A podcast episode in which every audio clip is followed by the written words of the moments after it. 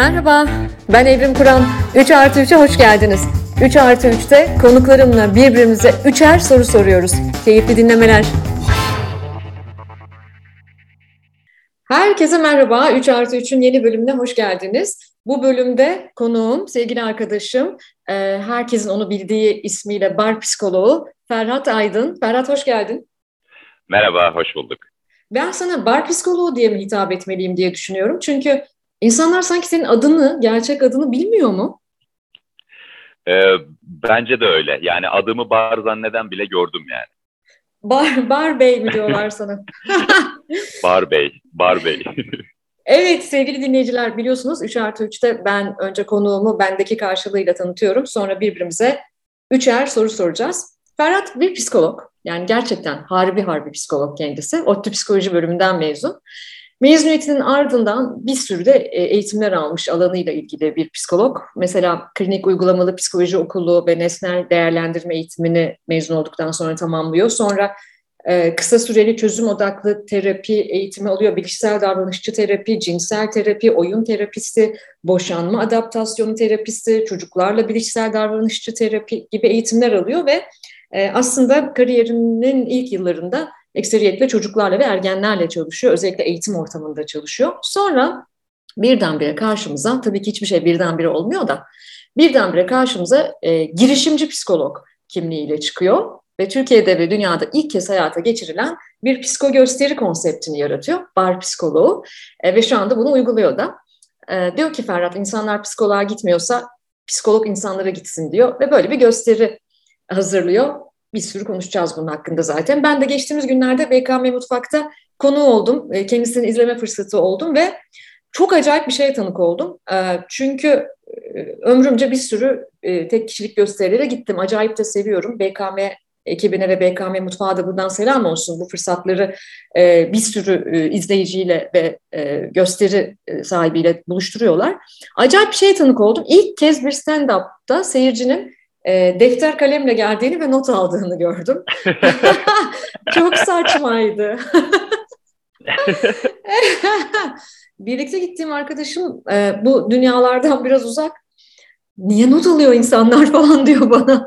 çok acayip bir şey var etrafında bak insanlar not alıyor falan diyor. Ben de gerçekten çok şaşırdım. Bunları konuşacağız zaten.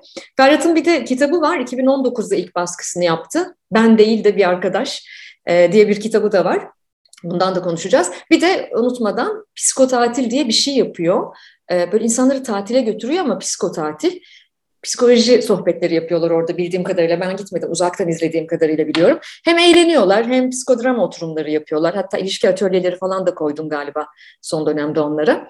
Ee, işte Ferhat böyle biri. Böyle enteresan bir girişimci, yazar, üretici, küratör, sanatçı bana sorarsanız. Ferhat'cığım hoş geldin. Hoş bulduk. Çok teşekkür ederim. Çok güzel bir özet oldu benim için. Ee, şey derler ya, insanın kendini anlatması zordur falan diye. Sen e, çok güzel özetledin. Çok teşekkür ederim. Ben teşekkür ederim ve ilk sorum geliyor. Hazır mısın? Ee, Valla hiçbir zaman hazır olmayacağım çünkü e, bu konseptin benim için şöyle bir challenge anlamı var. Ee, benim kafam çok uzun zamandır şöyle çalışıyor. Woody Allen'ın bir sözü var. Ee, bütün cevaplarınıza sorularım var diye.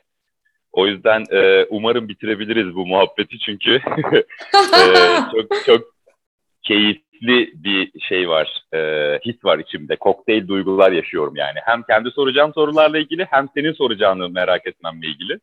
Ee, bakalım başlasın o zaman. Bakalım kısmet. Valla ben de kokteyl duygular yaşıyorum. Ee, çünkü e, malumunuz sevgili dinleyiciler soruları önceden vermiyoruz birbirimize ve bir süredir birbirimize meydan okuyoruz. Haha acayip geçireceğim sana falan diye amiyane tabiriyle. Ve benim ilk sorum geliyor. Şimdi sana zaten çok sık sorulan bir soru bu. Bir sürü programlarda, yayınlarda falan bahsettim bunlardan ama ben onu biraz ağdalandırarak soracağım. E, bu acayip bir kariyer yolu. Yani kariyer ne ki? Ben zaten kariyere inanmıyorum da. Kariyer ayrıca yol da değil. Sorumu geri alıyorum. Ne kariyer yolu ya? Saçma bir şey oldu o. Niye bar psikoloğu oldun? Mecbur olduğun için mi?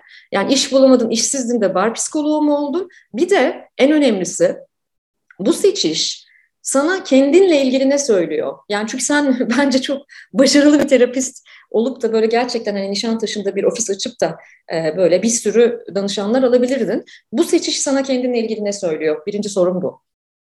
Hı hı.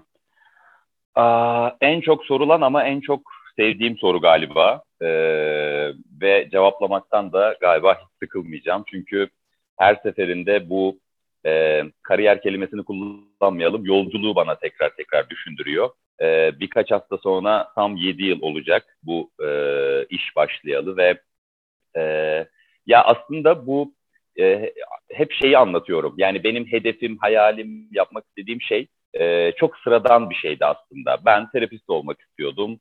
E, bunun için eğitimler almam gerekiyordu. E, eğitim alabilmem için kredi çekmem gerekiyordu. Para biriktirmem gerekiyordu. E, vesaire vesaire. Sonrasında e, Türkiye'de bu işin zannedildiğinden ya da görüldüğünden çok daha zor olduğunu aslında deneyimledim iş hayatına girince.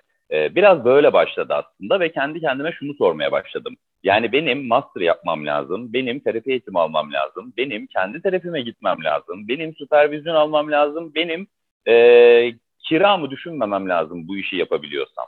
Dolayısıyla İstanbul'a taşındığımda 2014-2015 yılında e, hem İstanbul'a adapte olmam, hem bu sektörün dinamiklerinin zorluklarını fark etmem bana şunu düşündürmeye başladı e, sen kısa vadede bu işi yapamayacak gibi gözüküyorsun. E, bir piyango çıkmadığı sürece. E, dolayısıyla terapi yapmak yerine acaba insanlara terapinin nasıl bir şey olduğunu anlatsan mı? Çünkü benim terapi yapamamamın sebeplerinden bir tanesi de e, hala bu kültürün oluşmamış olmasıydı o zaman. Çünkü bir barda ya da bir asansörde fark etmez. Bir insan psikolog olduğumu öğrendiği anda takır takır sorularını soruyor, derdini anlatıyor, hemen üstüne boca ediyor bir şeyleri filan. E psikoloğa git dediğinde de e işte param yok, çok zor, bulmak çok zor vesaire vesaire gibi bir sürü mazeretle geliyor.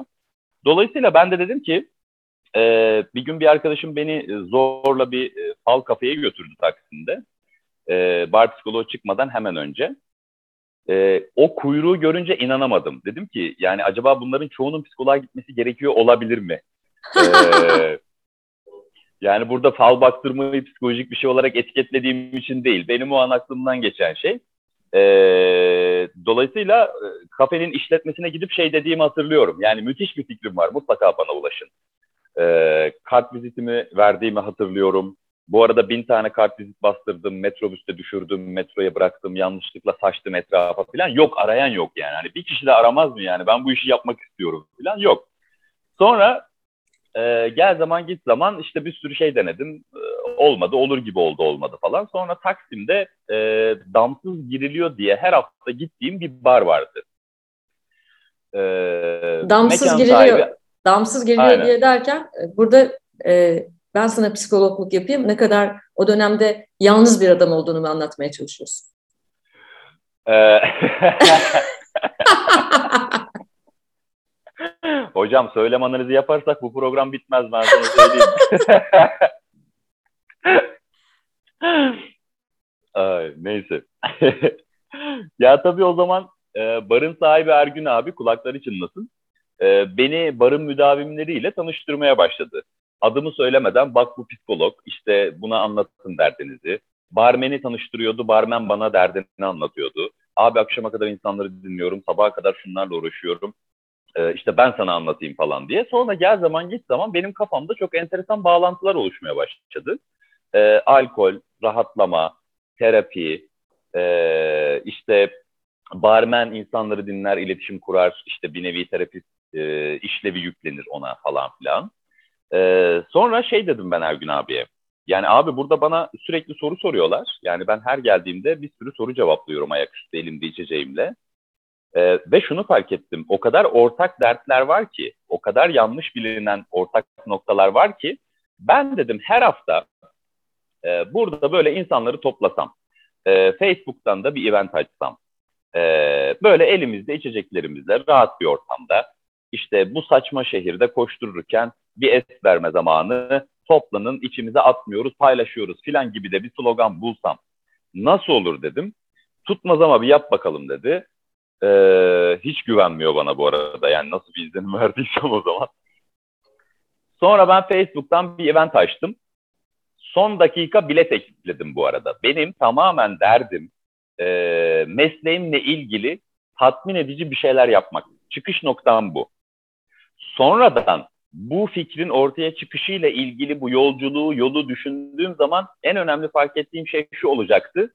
Bize on yıllar boyunca söylenen o kişisel gelişim vari söylemlerin aslında ne kadar da e, doğru olmayabileceğini. Çünkü bize ne diyorlardı? Hedef koyman lazım. Hedef koy. O hedefle ilgili kaynaklarını tara. Hedef kitleni belirle. Fikri önce şöyle bir tart filan. Hiçbiri olmadı. Ben dedim ki ben muhabbet etmek istiyorum. Ben mesleğimi anlatmak istiyorum. Ben soru cevaplamak istiyorum. Sonra Facebook'tan event'i açtım. Tabii hızlandırıyorum şu anda. Bu böyle bir, bir buçuk saatlik ayrı bir kariyer hikayesi. Ee, özellikle psikoloji öğrencilerine anlatmaya çalıştığım. Bakın hepiniz bu yoldan gitmek zorunda değilsiniz. Çok enteresan şeyler oluyor. Ee, çünkü mesleğimiz hepsine elverişli demeye çalıştığım bir iş aslında. Ee, Kayseri'de psikoloji öğrencileri kongresi olduğunda bu, bu hikayeyi detaylı anlattığımda çıkışta bir hanımefendi gelip şey demişti.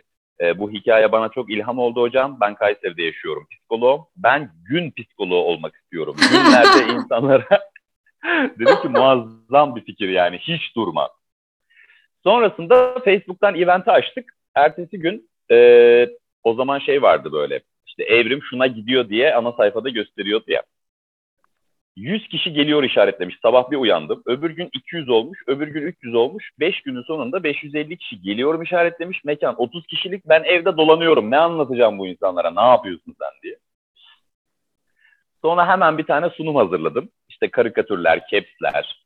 E, çünkü ben de çok uzun süre ciddi dinleyemiyorum. E, konu ne olursa olsun, ne kadar ilgimi çekerse çeksin. Tarzımda öyle karikatürle, capsle, mizahla bağlantır, bağlantılandırmaya doğru gidiyordu e, o zamanlar. E, sunum yapıyordum bayağı. Elimde clicker vardı böyle barda. 30-35 tane karikatür sırayla gösteriyordum.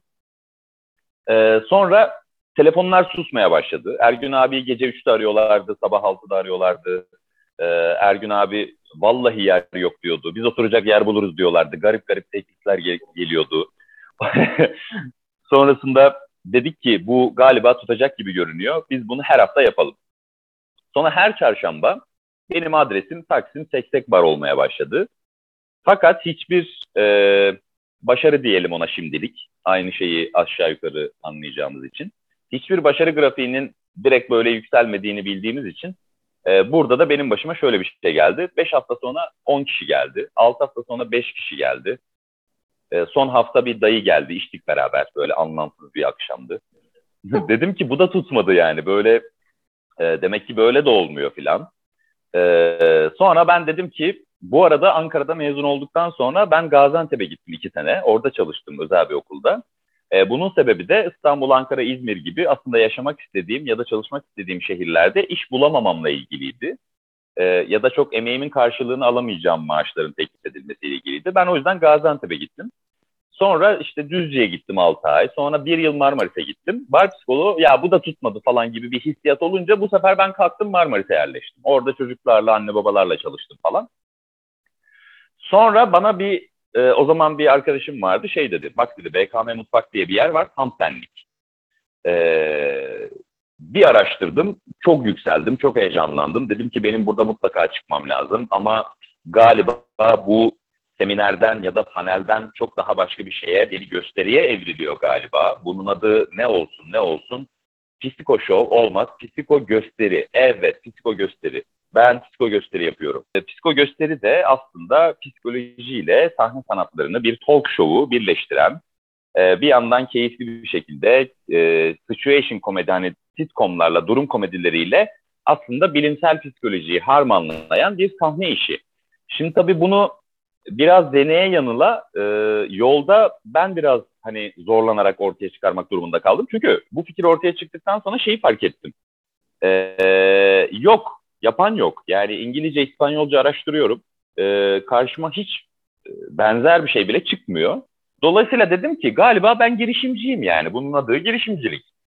E, gel zaman git zaman yıllar geçti. İşte farklı şehirler, farklı sahneler sahnelerdeki tecrübelerim onları böyle üst üste koyunca bugüne kadar geldi.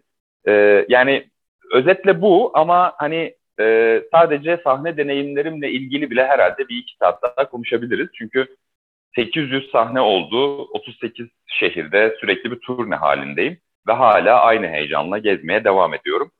Ee, bilmiyorum böyle kafalarda o yol canlanmıştır herhalde biraz. İşte bence zaten sorunun e, ucuna onu koydum ya bu seçiş sana kendinle ilgili ne söylüyor diye. Çünkü ben e, seni sahnede birkaç kez izledim yani BKM'de bir kez izledim ama daha önce e, çeşitli e, zirvelerde vesaire bir araya geldik. Sahneyi sevdiğini de görüyorum yani e, o sahne de çok sevilecek bir şey değil mi? Hani bir yıldız tozu gerekiyor sanki o sahneye çıkanlarla ilgili. Valla bu mevzu benim için şöyle hayati aslında. Ee, şimdi sahneyi herkes sevebilir. Çok e, albenisi olan bir yer orası.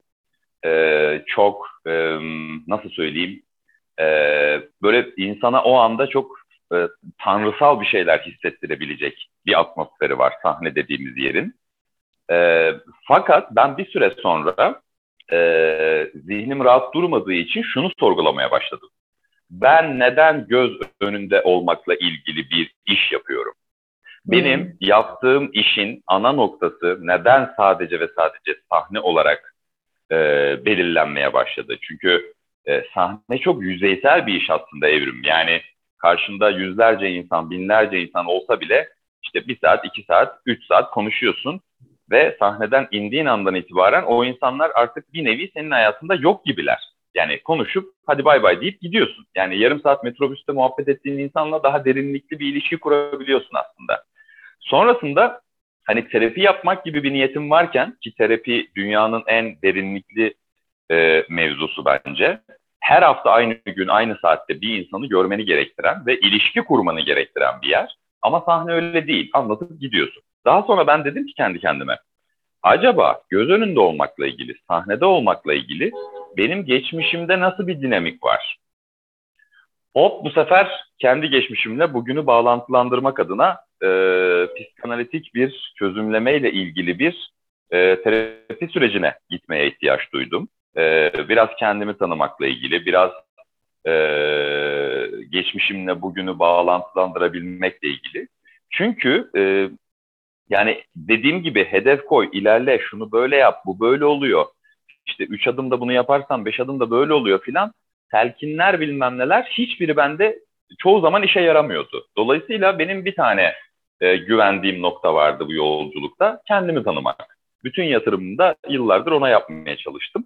E, ve oradaki ilerlemeyi gördükçe de bu bunun sahneye yansıttığını da çok net fark ediyorum ve bunu çok net söyleyebilirim.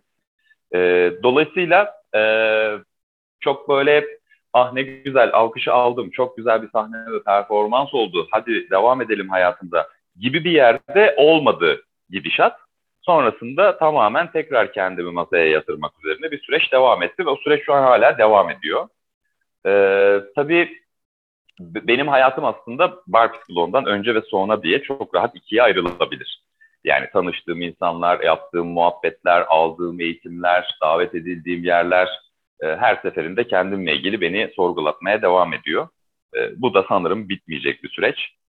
E, ve şeyi fark ettim kendimle ilgili. Yani yaratıcılık dediğimiz mevzu e, bende varmış yani. Ben bunu çok fark edememiştim öncesinde. Girişimcilik dediğimiz şey bende varmış. Ben bunu e, eyleme geçtikten çok sonra fark ettim. Hani eş dost geri bildirimde bulunurken ya bak bu girişimcilik işte sosyal girişimcilik de olabilir. İşte bu bir yaratıcılık falan. Yani e, yakınsama diye bir becerim varmış mesela. Bambaşka gibi görünen alanları birleştirip ortaya bir şey koymak ve geleceğin de çok önemli bir özelliği olduğunu düşündüğüm bir şeymiş aslında bu. E, böyle. Harika, harika, süper. Daha derin dalacağım oralara da şimdi soru sırası sende. Tamam, tamam. Şimdi sana çok güzel bir sorum var. Ee, yani ben çok güzel olduğunu düşünüyorum. Umarım sen de düşünürsün. Şimdi senin e, adın ve soyadınla ilgili tezatın ve sen de farkındasın. Bunu da birkaç yerde e, dillendirdiğini hatırlıyorum. Evrim Kur'an. Şimdi aslında çok tezat da olmayabilir ama hani garip bir durum var ortada yani günümüz dünyasında. İki e, çok bir araya gelmeyen isim aslında. E, sana sorum şu. Ee, biliyorsun milyonlarca yıldır devam eden bir süreç evrim dediğimiz şey ve hala devam ediyor. Ee, acaba evrim, buradaki evrim sensin, ee, bir level evriminde ilerlese, tamam mı? Bir basamak atlasa, bunu biyolojik, zihinsel, işte mental, ruhsal, e, bütüncül bir gelişim olarak, ilerleme olarak e, hayal et. Bir adım ilerledin diyelim evriminde. Nasıl bir evrim ortaya çıkar? Neyin e, daha iyi adapte olmuş ve ilerlemiş olur? E, burada herhangi bir kısıtlama yok. Yani dediğim gibi ruhsal, zihinsel, mental, biyolojik evrim, evrim sürecinde bir level atladı. Ne olur? Vay soruya bak ya. Evrim süreci falan deyince tabii aklıma böyle e, binlerce yıl sonrası geliyor. İşte efendim Darwin geliyor, e, hayvanların evrimleşmesi geliyor falan. Uf, çok acayip soru. Te, ama ben tabii ki dönüp dolaşıp tekamüle gidiyorum. E, ve bu kısacık ömürde kendi tekamülüme gidiyorum. Eğer ben bir adım daha evrimleşme, e, bu yaşadığımız hayatta bir adım daha evrimleşme e, fırsatım olsa yani benim tekamülüm nereye gider? Ben e, kainatın tüm canlılarına gösterdiğim şefkati, çok şefkatli bir kadınım. Hı hı. E, kendime hiç göstermiyorum. Kendime şefkat gösteren bir e, birey haline alırsam mesela bu benim bir adım sonraki tekamülümdür. Bilmiyorum bu hmm. e, anlamlı bir yanıt oldu mu? Daha nasıl olacak anlamlı? Çok iyi. Çok iyi. Evet yani e, e, e, yani bunun için özel bir çaba sarf etmiyorum. Kişisel gelişim kurslarına falan küçükken gidiyordum. Hatta efendim aşramlarda kaldım, Hindistanlara falan gittim. Ama sonra anladım ki hayatta hiçbir şey dışarıdan içeri doğru olmuyor. Her şey içeriden evet. dışarı doğru. E, o yüzden evet. şimdi birazcık e, birazcık e, izin vermeye, izinli olmaya çalışıyorum. Yani bu halimi görmeye çalışıyorum. Çünkü hani o İngilizce'deki see fiilini çok severim. See hem görmek hem anlamak demek ya. E, bunu birazcık görmeye çalışıyorum. Tabii ben e, terapötik çalışmalarda e, acayip artık ordinarius olmuş bir danışanım. bir profesyonel hasta. profesyonel hastayım ben. Yani bir yanıyla tabii o da var. E, ama galiba şefkat, şefkat derim. Bu arada bir parantez açacağım. Sana bir e, bir gırgır anlatacağım. Şimdi benim e, Evrim Kur'an dedin de hani bu yayında bu da böyle anı olsun, anı değeri olsun kalsın bu yayında. Şimdi benim aslında e, Evrim babam benim pedagoji okuduğu için ee, daha öğrenciliğinde benim kızım da olsa, oğlum da olsa adını Evrim koyacağım diyor tamam mı? Yani bir de tahmin et işte aynı kuşağın çocuklarıyız.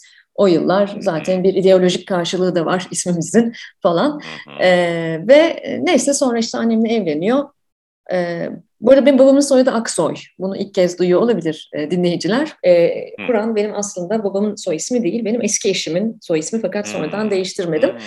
E, sonra babam işte benim adım Evrim koyuyor falan e, evrim koymak istiyor. Annem diyor ki yok diyor ben diyor hayal koymak istiyorum diyor kızımın ismini diyor. Hmm. Bunlar böyle kapışıyorlar falan hayal olacak evrim olacak.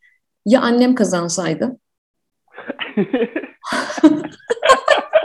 hayal kuran ne onlarla yazardık artık.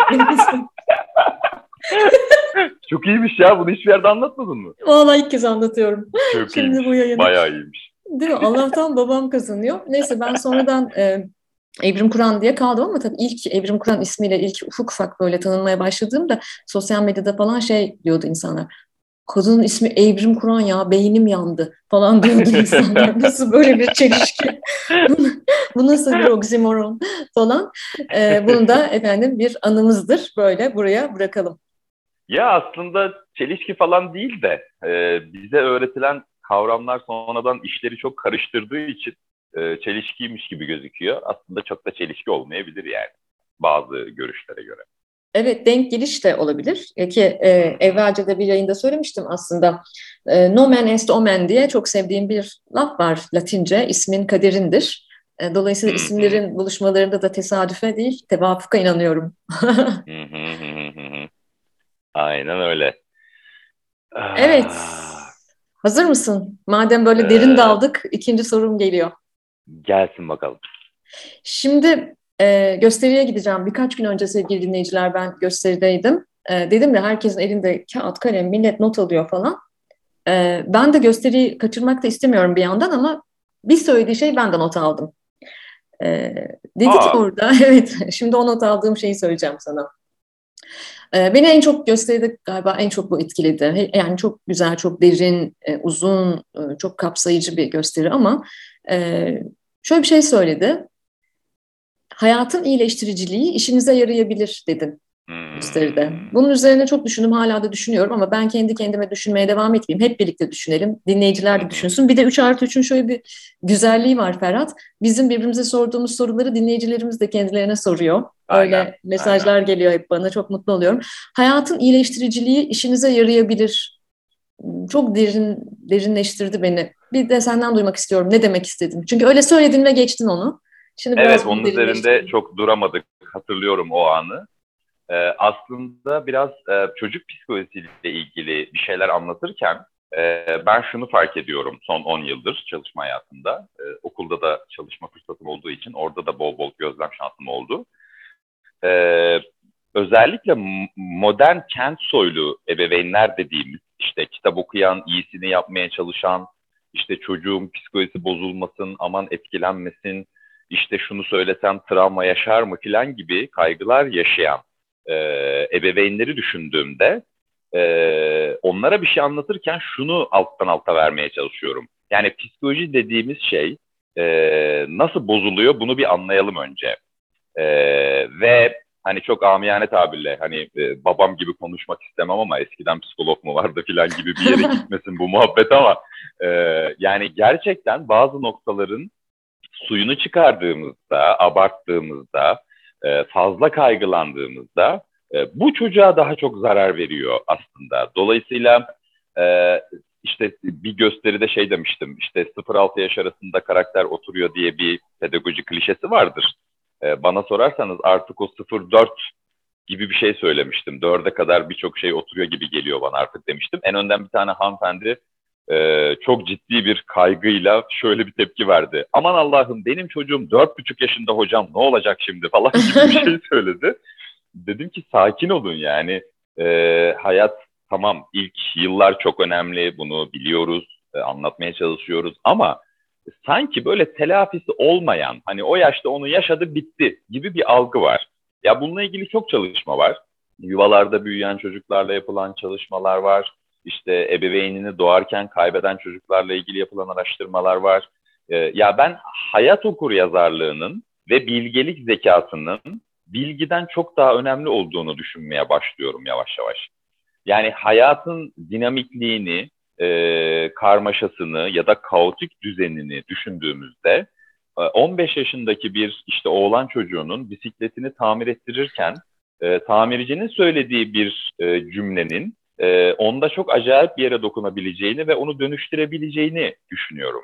Ya da e, hiç psikoloji okumamış birisinin e, kendilik saygısıyla ilgili bir problemi olmadığında, hayatın dinamiklerini çok iyi okuduğunda, kendi çocukluğunu masaya yatırabildiğinde e, sezgisel bir şekilde bunu çok rahatlıkla yapabileceğini düşünüyorum.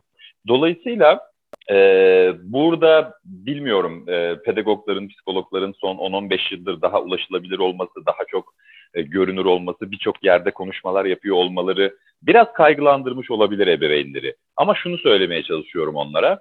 E, mevzuya çok yalın baka, bakmayı becerdiğimizde, basit değil, yalın bakmayı becerdiğimizde e, dönüştürücü ve iyileştirici dinamikleri hayatın çok fazla. Yani bunu hatta gösteride dinledin sen tecrübe bilime göt attırır sloganıyla anlatıyorum. ee, dolayısıyla orada Antep'teki Murat Usta'dan bahsederken e, çocuğunu çok işte hoşuma gidecek bir şekilde büyüttüğünü gözlemlediğimde Murat Usta'ya sormuştum. Yani sen bu çocuğu nasıl büyüttün abi anlatsana biraz yani hiç pedagoğa gitmedin bana da hiçbir şey sormuyorsun. E, motor ustası e, bir insan olarak hayatını devam ettiriyorsun yani nasıl e, bu kıvama getirdim bu çocuğu, nasıl güzel bir çocuk olmuş bu falan dediğimde ben bu çocuğu hiç dövmüyorum. Çünkü e, e, döversem bir süre sonra yalamoli dediğinde bilişsel terapideki duyarsızlaşmaya gönderme yaptığını kavrayabiliyorum. Yani dolayısıyla e, biz ilk defa çocuk büyütmüyoruz. Yani insanlık 350 bin yıldır bildiğimiz kadarıyla aşağı yukarı bu halde e, ve psikoloji pedagoji kuramları 100-200 yıllık Yani 10 yılda bir de bu literatür değişiyor. Yani psikoloji zehirlenmesi diye bir yazısı var İlker Küçükparlak'ın. O akşam da bahsetmiştim. Yani psikoloji literatüründeki araştırmalara baktığında, bir meta analiz yaptığında e, şu korkunç şeyle karşılaşıyorsun. Araştırmaların yüzde doksanı tekrarlanamıyor psikolojide. Ya bu çok dehşet verici bir şey. Yani biz bilim diye sarıldığımız şeyin yüzde doksanını çöpe atmak durumunda kalıyoruz. Dolayısıyla bir insana e, ne okuyalım sorusuna cevap vermek ya da e, nasıl davranayım çocuğuma sorusuna cevap vermek zannettiğimizden e, çok daha zor olabilir literatüre dayanacaksak. E, Dostoyevski okumak çok daha makul bir seçenek olabilir e, bir makale okumaktansa. E, çünkü insanın derinlikli tarafını e, çok daha iyi analiz ediyor bu insanlar. Dolayısıyla e, şey çok iyi bir sorudur. E, bunu ev ödevi olarak verebilirim herkese. E, sevilmeyen insan sevebilir mi sorusu dünyanın en önemli sorularından bir tanesi bence benim alanımla ilgili. Sevilmeyen insan sevebilir mi? Sabaha kadar sürecek bir tartışma fakat e, tabii ki sevebilir, tabii ki ihtimal var. Fakat nasıl oluyor bu? E, yakın bir ilişki yaşamayı e, deneyimlediğinde, kendisinin sevilmesine izin verebildiğinde, e, güven duygusunu tahmin edebileceği bir karşılaşma yaşadığında, e, yani tabii ki politik ve ekonomik süreçlerin gayet makul olduğu bir vadif durumundan bahsediyorum. Yani e, ben bazı mevzuların ekonomik, bazı mevzuların politik olduğunu çok düşünüyorum. Hatta birçok psikolojik problemi psikologlar değil, belki politikacılar ya da ekonomistler çözebilir diye bakıyorum. E, o yüzden böyle baktığımda e, kurduğumuz ilişkiler, girdiğimiz ortamlar, edindiğimiz deneyimler. Yani şu an biyografisi yazılan insanlara bakın, tamam mı? Biyografisi yazılan, tarihe geçen insanlara bakın. E, hiçbiri güllük gülistanlık bir ortamda büyümedi ya da yaşamadı. Burada bir mesaj var bence bize. E, dolayısıyla aman ben yaşamadım, çocuğum yaşasın, imkanlara boğayım ben onu dediğiniz nokta çocukları pelteye çeviriyor olabilir. E, o yüzden ben lise yıllarında çalışmaya çok karşı değilim yani. Tanıdığınız birinin yanına çocuğunuzu verin 16 yaşında. O başka bir deneyim, o sosyal beceri, o ilişki, e, o baş etme becerisinin gelişmesiyle ilgili güzel bir fırsat. E, bilmiyorum hani yeterince açabildim mi? Biraz Harika. Ama. Harika açtın. Ben de işin e, uzmanından e, kişisel görüşlerimin teyit edildiğini duymaktan dolayı çok mutlu oluyorum. Çünkü ben de biliyorsun özellikle gençlerde yılmazlık konusunda çok e, çalışıyorum, araştırıyorum ve bunun gitgide zayıfladığını görüyorum. Hayatın iyileştiriciliğine izin vermeyen e, ebeveynler yılmaz çocuklar da yetiştiremiyorlar galiba. Ve kendimizde de hayatın iyileştiriciliğine izin vermediğimizde kendimiz de yılmaz olmuyoruz. O yüzden hep söylüyorum ben oğlum Ali'nin akademik başarısından çok yılmazlığıyla hayat okur yazarlığıyla diyelim daha çok ilgiliyim. Ee, buradan da bir kez daha hep söylediğim şeyi bir kez daha söylemek istiyorum. Ee, velilerimize ilk öğretimde lütfen veli WhatsApp gruplarından çıkın. ve çocuklarımızın yılmazlığına zeval gelmesin. Ya, me mevzu ne biliyor musun? Ee, Mutlu Çocuk diye bir efsane çıkarttılar şimdi. Mevzu biraz o mesajla ilgili. Yani çocukluk herkesi örseler, burayı kaçırıyoruz. Evet. Ee, mutlu çocuk diye bir şey yoktur. Hayatın gerçeklerine uygun büyüyen çocuk vardır. Dolayısıyla kontrollü şekillerde e, problem çözmeleriyle ilgili fırsat verdiğimizde, bazen onları yaşına göre yavaş yavaş yalnız bırakmayı becerebildiğimizde, ama ben buradayım bir şey olduğunda diyerek o temel güveni verebildiğimizde e, valla su akıyor yolunu buluyor. Yani e, o yüzden 3-5 maddede e, bu kafa karışıklığını gidermekle ilgili hani metinlerimde de şeyleri vurgulamaya çalışıyorum. Mesela sevgi anlayışı bile çok sakat biliyor musun? Yani günde üç kere seni seviyorum dedim bu çocuk niye böyle oldu? yani robot olmuşsunuz artık yani sabah akşam seni seviyorum diyorsun. En son ne zaman dedi dediniz dedim bir tanesine. Yani bu sabah kahvaltıdan sonra dedi. Çocuk ne yaptı dedim kalkmış gitmiş tamam demiş. Yani artık yalama olmuş anlatabiliyor muyum? Sevginin de yalama olma hali. Şimdi bu niye oluyor biliyor musun? Bu şu yüzden bence oluyor. Ee, ebeveynlerin şöyle bir kaygısı var. Eğer bu çocuğu e, yeterince doya doya böyle sevmezsem, işte bu çocuğu birazcık böyle hafif söylemlerimle ya da davranışlarımla örselersem bunun dönüşü olmayacak. Büyüdüğünde de bana sövecek bütün hayatı kötü geçecek gibi garip bir inançtan kaynaklanıyor bence. Bu da insan doğasını ya da hayatın dinamiklerini bence görmemekle çok bağlantılı. Ee, yani Jung, Jung'a atıf yapacak olursak Jung diyor ki e, en iyi şifacılarımız şüphesiz ki en çok yarala, yaralananların arasından çıkar. Yani en çok yaralananlar şüphesiz en iyi şifacılar olurlar gibi bir şey söylüyor. Ee, Yetenekli Çocuğun Dramı kitabında da benzer bir vurgu var. Mesela benim annem babam psikolojinin P'sinden anlamaz. Evet öyle bir kitle. Ee, ama onların ufak tefek yaptığı hatalar olmasaydı, ignore ettiği bir şeyler olmasaydı biz şu anda insana dair konuşuyor olamazdık. Var psikoloğu olmazdı, psikolog Ferhat olmazdı. Yani e, biraz böyle bunu da zaman geçince tabii görebiliyor insan. Yani terapi o yüzden e, anne babayla çalışmak yerine senin içindeki anne babayla çalışır ya. Hı hı. E, o yüzden seanstan çıkınca annenizi arayıp sövmeyin derim ben. e, o, o, o annenle ilgili bir mevzu değil. Senin içselleştirdiğin annenle ilgili. Anneni kaybetmiş de olabilirsin. Ne yapacağım? Mezara gidip hadi kalk yüzleşeceğiz falan. O değil. Yani günün sonunda kişi kendi sorumluluğunu alıyor. E, varoluşçu bir yerden böyle bağlayabiliriz galiba. Süper. Çok iyi bağladın. ve ve e, soru sırası sende. İkinci evet. sorun. Şimdi e, ben vadif soruları çok seviyorum ama birinci ve üçüncü soruyu vadif tarzı yaptım. Hı hı. İkinci soru biraz daha böyle e, benim e, mesleğimle ilgili derinlikli bir yerden gelsin. Terapi deneyiminde olduğu için. E, soru şu. Şimdi şöyle anlar vardır ya insan hayatında. Böyle yahu nasıl da yazmışım da oynamışım da fark etmemişim de nasıl da körmüşüm be kardeşim dediğin bir an vardır ya böyle.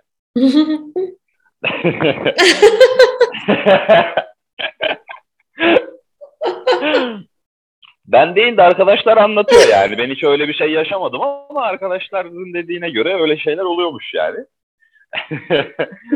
ee, eğer tabii hani özel bir soru olduğunu hissediyorsan tabii ki geçebiliriz. Çünkü bende yedi tane soru var şu an. Olmaz diye yedi tane. Belki hepsini de sorabilirim. Bana bir iltimas geçersen 7 artı 7 gibi bir şey de yapabiliriz benim için uygun yani. bir daha konuk alırım seni. Bir buçuk kere daha konuk alsam.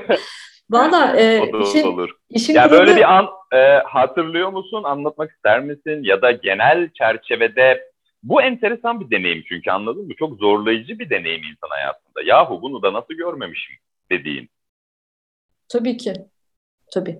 Şimdi e, bu tabii ki e, insanın özel hayatının e, dehlizlerine doğru giden bir soru ama e, 3 artı 3'ü yaparken söz vermiştim. E, böyle konuklar davet edeceğim. meydan okuyabileceğim. E, meydan okay, okuyabileceğim. Bunu sen istedin o zaman. Evet ve bana da meydan okuyabilecek. Benim de onların meydan okumama izin verebilecek. Dolayısıyla 3 artı 3'te o yüzden soruları önden paylaşmıyoruz ve samimiyetle soruyu geri çekmeden cevap veriyoruz. Hem de e, ben bunu nasıl görmemişim e, dediğim bir hayat deneyimim var ve 17 yıl sürdü. Hmm. Bu kadar. Bence yeterli cevap. Herkes anlamış. evet ve e, ve bana e, bunu kendime çok sık sordum. E, ama e, insan e, insan e, en çok ve en başarılı, en ideal biçimde kendini kandırıyor e, rasyonizasyon, akla uydurma. Ben de e, muhtemel ki hayatımın çok uzun bir döneminde akla uydurma konusunda büyük bir uzmandım. E, ama sonra e, yani kainata çok teşekkür ederim. Hayatın bana getirdiklerine çok teşekkür ederim ki e, bir gün mutlaka hayat e, senin görmezden geldiklerini tek kerede bir çırpıda sana, gö sana gösteriyor ve e, o da işte e, kasislerden hayatta geçtiğin o kasislerden biri ve öyle tatlı ki oradan geçmek. için bir hoş oluyor falan. E, o yüzden de ben bütün bu deneyimleri hep üretime çevirmeye inanıyorum. Bilmiyorum yanıt şey verebildim. diyor ya. Ak, aklın arkasında akıl dışılığın krallığı vardır diye bir lafı var. Evet. Ee, insan öyle çok da rasyonel, bilinçli filan bir canlı değil galiba. Ee, hem bizim mesleğin hem de insan olmanın belki de en zor tarafı bu. Ee, bir gün e, ya hocam kafam çok karışık her şey birbirine girdi e, diye sızlandığım bir seansın sonunda e, terapistim şey demişti. Yani kompleks yazan bir tişört giymenizden anlamıştım zaten. ben de dedim ki yahu bunu da mı ben seçmedim? Yani tişört ya. kalmadı vallahi hocam evde dedim. Tabii tabii öyledir falan gibi bir şey söyledi.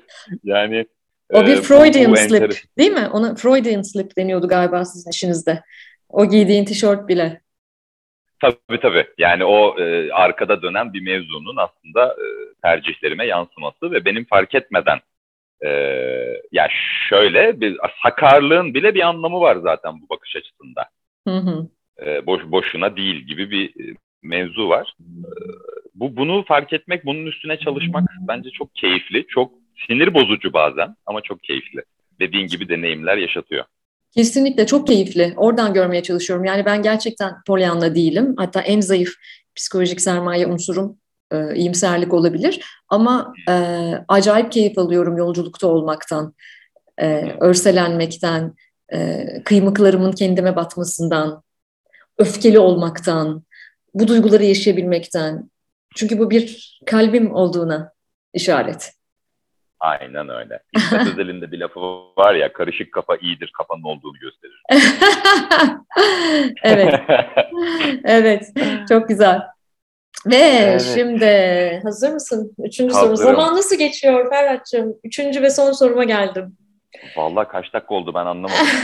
Bakmadım zaten. Şimdi e, üçüncü ve son sorum şu. Evet, buyurun. E, kitaba döneceğim. Ben değil de bir arkadaşa döneceğim. E, kitapta benim çok hoşuma giden bir şey vardı. Notlarım içerisinde not aldığım bir bir bir yer. Ee, gene çok derin. Yani ben zaten şeyi çok seviyorum. Hmm, çok kısa, üç kelime, beş kelime, bazen tek kelime ifade ettiğin bir şeyi oturup saatlerce düşünebilmeyi. Bunu çok seviyorum. Çok kapı aralıyor. E, kısa, Bununla ilgili bir şey ekleyebilir miyim hemen araya? Ekle. Ee, yani ben her geçen zaman e, edebi metinler anlamında konuşacak olursak ya da sanatla ilgili genel olarak e, şiire daha çok yaklaşıyorum ve bunun da söylediğin şeyle ilgili olduğunu düşünüyorum e, şairler şey diyorlar ya yani yüzlerce sayfa yazmışsınız, roman yazmışsınız ama yani lafı çok uzatmışsınız kardeşim. Yani burada bu mevzu iki cümleyle gayet anlatılabilecek bir mevzu diye. O yüzden e, kitabın son cümlesi de şey zaten Bilge Kağan'ın ölümle ilgili çok güzel bir sözü var. E, hani sabaha kadar konuşabilirsin. E, zamanı Tanrı yaşar, insanoğlu ölümlü olmak için yaratılmıştır. Yani ben böyle vurucu kısa şeyleri çok seviyorum. Bakalım sen e, neyi not almışsın? Ben de bunu çok seviyorum. Hatta o yüzden de mümkün mertebe kitaplarımı da, üç kitabımı da e, arkalarında dev araştırmalar olmasına rağmen kısa yazmak için çok çalıştım. Hmm.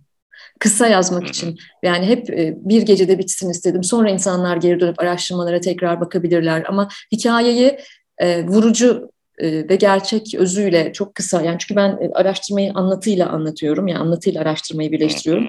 Dolayısıyla ben de orada kısa yazmanın yazmanın çok önemli olduğunu düşünüyorum. Yani ne bileyim düşünsene yani bir Nazım geçmiş ki Nazım demiş ki sen zatısın iptilanın. Lafa bak ya. Oy, oy, sen oy. zatısın iptilanın ne demek ya? Ya hiç yokmuşsun gibi unutulursun ya da bir dakika bile çıkmazsın akıldan. Ya roman ver, ver, şişeyi, şişeyi ver oradan ver. Buzu uzatıyorum kardeşim. Aa sen böyle yaparsan ben sıradanlığın mükemmelliği diye girerim buradan. Dostoyevski'nin güç, güçle ilgili sözünü söylemeden edemeyeceğim. Hadi söyle. Ee, içimdeki güçsüzlükle savaşırken gücümü kaybettim. Ya muhteşem. Şu an beyinler yandı dinleyenlerde de. O yüzden yandı. sen hemen sorunu sor. Yandı evet. Şimdi kitapta ben değil de bir arkadaş da şöyle bir şey söylüyorsunuz. Siz önce sizsiniz sonra başkasının bir şeyi. Evet. Ne demek istiyorsun? Çok güzel. Ee, bunu Instagram'ında e, profilinde şöyle yazanlara ithafen yazdım sanıyorum. İşte aşkısının ballısı bir tanesinin minnoşu.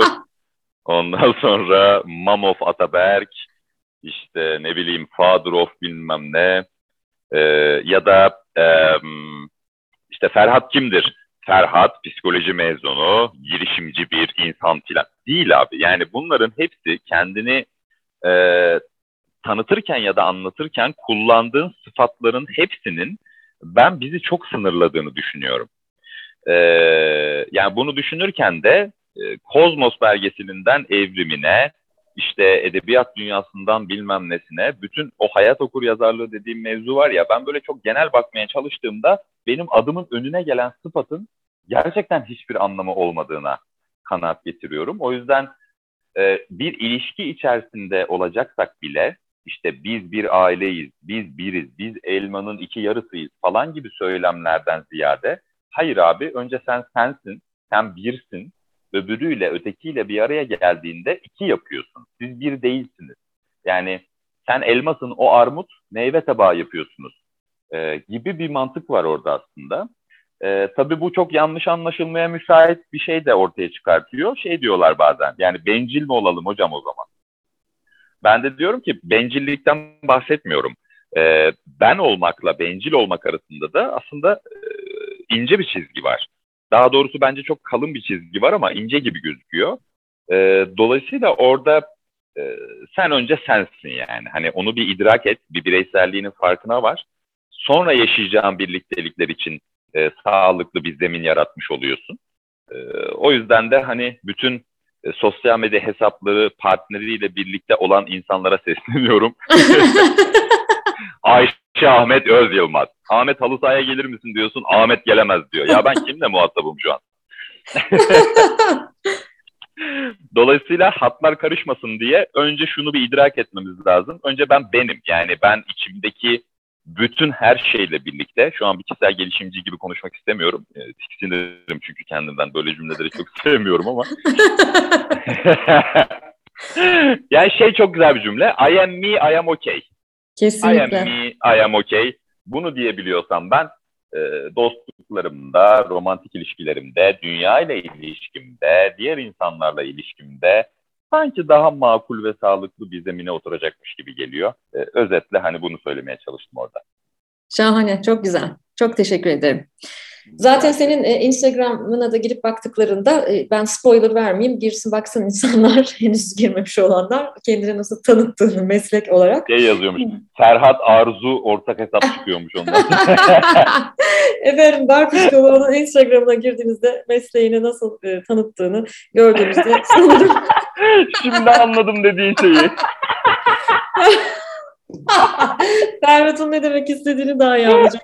Spoiler vermiyorum şu an ya bir şey Bir yıldır profilim öyle. İkinci kişisin bunu e, fark edip bana böyle anlatan ve o kadar mutlu oldum ki. Yani.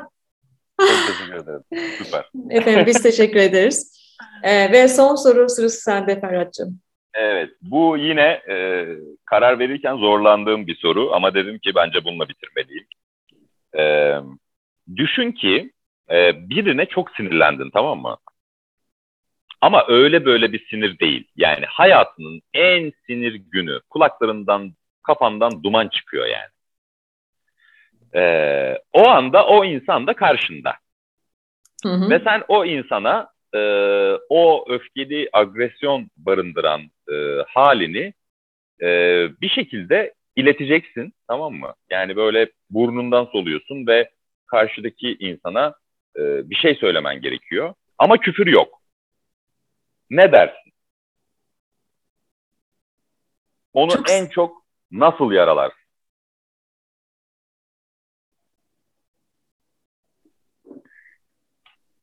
Hiçbir şey söylemem, görmezden gelir.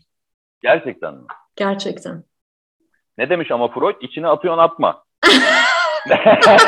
ama bu ne biliyor musun? Rollo May demişti galiba onu değil mi? Ee, sevginin karşıtı nefret değil, e, kayıtsızlıktır. Kayıtsız kalırım Ferhat. Bence en acıtıcı şey hayatta bu. Kayıtsız kalmak. Hmm. Ben bu cevabı beklemiyordum ha. Sen benden ana avrat dümdüz gider evrim falan. o yüzden uyardım. Küfür yok evrim falan diye. Küfür yok dedin biliyorum. Ama gerçekten samimiyetimle kayıtsız kalırdım. Hmm. Düşündün ama biraz galiba değil mi? Yayın kesilmediyse o esnada. Yok vallahi düşündüm. en pis tarafımı düşündüm, en pis tarafımı. E, çünkü kayıtsız kaldım, çok az sayıda da olsa kayıtsız kaldığım, çok öfkeli olduğum için kayıtsız kaldığım insanlar var. Hmm. Yani ee, onları onların haline. Hemen böyle bir e, çek ettim kendi kafamda ne yapıyorum ne yapıyorum dürüst olacağız ya bu yayında. Sağlam soruydu ama. Ha, çok tatlı oluyor. Seyircinin, dinleyicinin de e, soruları kendine sorması çok tatlı oluyor. Ee, o yüzden 3 artı 3'ü çok seviyorum. Ferhat iyi ki geldin. Bıraksan e, bayağı sabahlara kadar konuşuruz. Ee, evet, ben yeni ama, ısınıyordum valla. Evet ama Ferhat'ı e, e, saatlerce dinleyebileceğiniz pek çok platform var sevgili dostlar. E, dijital medyada dinleyebilirsiniz, efendim gösterisine gidebilirsiniz. Bayağı önden bile, önceden biletinizi alın kapalı kişi oynuyor. Çoğunlukla e, bence haftalar öncesinden herhalde kapanıyordur değil mi Ferhat? o yüzden e, onu izlemeye gidebilirsiniz. Ama e, ben e, gerçekten bütün kalbimle müteşekkirim. Uzun zamandır çok istiyordum seni e, konuk almak. Ama e, geldikten ve özellikle gösteriyi izledikten sonra seni konuk almak benim için çok daha tatlı oldu. E, bitirirken yine e, kitaba döneceğim ve kitaptan bir e, yazdığım hoşuma giden bir alıntıyla bitireceğim. Efendim Ferhat kitabında diyor ki bir ayağınız geçmişte bir ayağınız gelecekte olursa ortaya işersiniz diyor. ortaya işemediğimiz e, bir, bir ömür, anlamlı bir ömür, en güzel halimizi, samimi bir ağlamadan hemen sonraki en güzel halimizi koruyabildiğimiz ışıl ışıl bir ömürde daha pek çok kereler buluşmak üzere. Sana çok teşekkür ediyorum. İyi ki geldin. Oh süper bir kapanış. Ben çok teşekkür ederim e, sana, bütün dinleyenlere. E, ben yayına bağlanmadan önce e, şöyle bir cümle düşündüm. E, bunu da atayım ortaya. E, bence başarı diye bir şey varsa, e, hani var diyelim. E, ki benim ortaokulda duyduğum bir tanım hala geçerlidir. Başarı nedir? İnsanın istediği gibi yaşamasıdır. Bitti. Benim için böyle bir şey. E, başarı semptomdur diye bir laf var. Çok severim.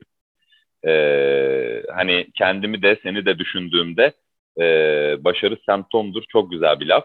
Çünkü e, insan kendine öğretilenleri sorguladığında yani normali sorguladığında e, ki normlara uymamak bir ahlaksızlık gibi değerlendiriliyor günümüz dünyasında e, normları sorgulayarak ancak bir şeylere ulaşmak mümkün gibi gözüküyor. Bu da bazı arızalı insanların yapacağı bir şey. E, o yüzden e, olabildiğince ortaya karışık güzel bir e, kulağa kar suyu kaçıracak muhabbet olduğunu düşünüyorum. Tekrar çok teşekkür ediyorum. Bir e, Beyoğlu'ndaki meyhane duvar yazısıyla bitirelim o zaman. Hayat boştur, içine sıçarsak dolar diyelim. Ferhat'cığım görüşmek üzere kendine iyi bak. Görüşmek üzere. Bay bay.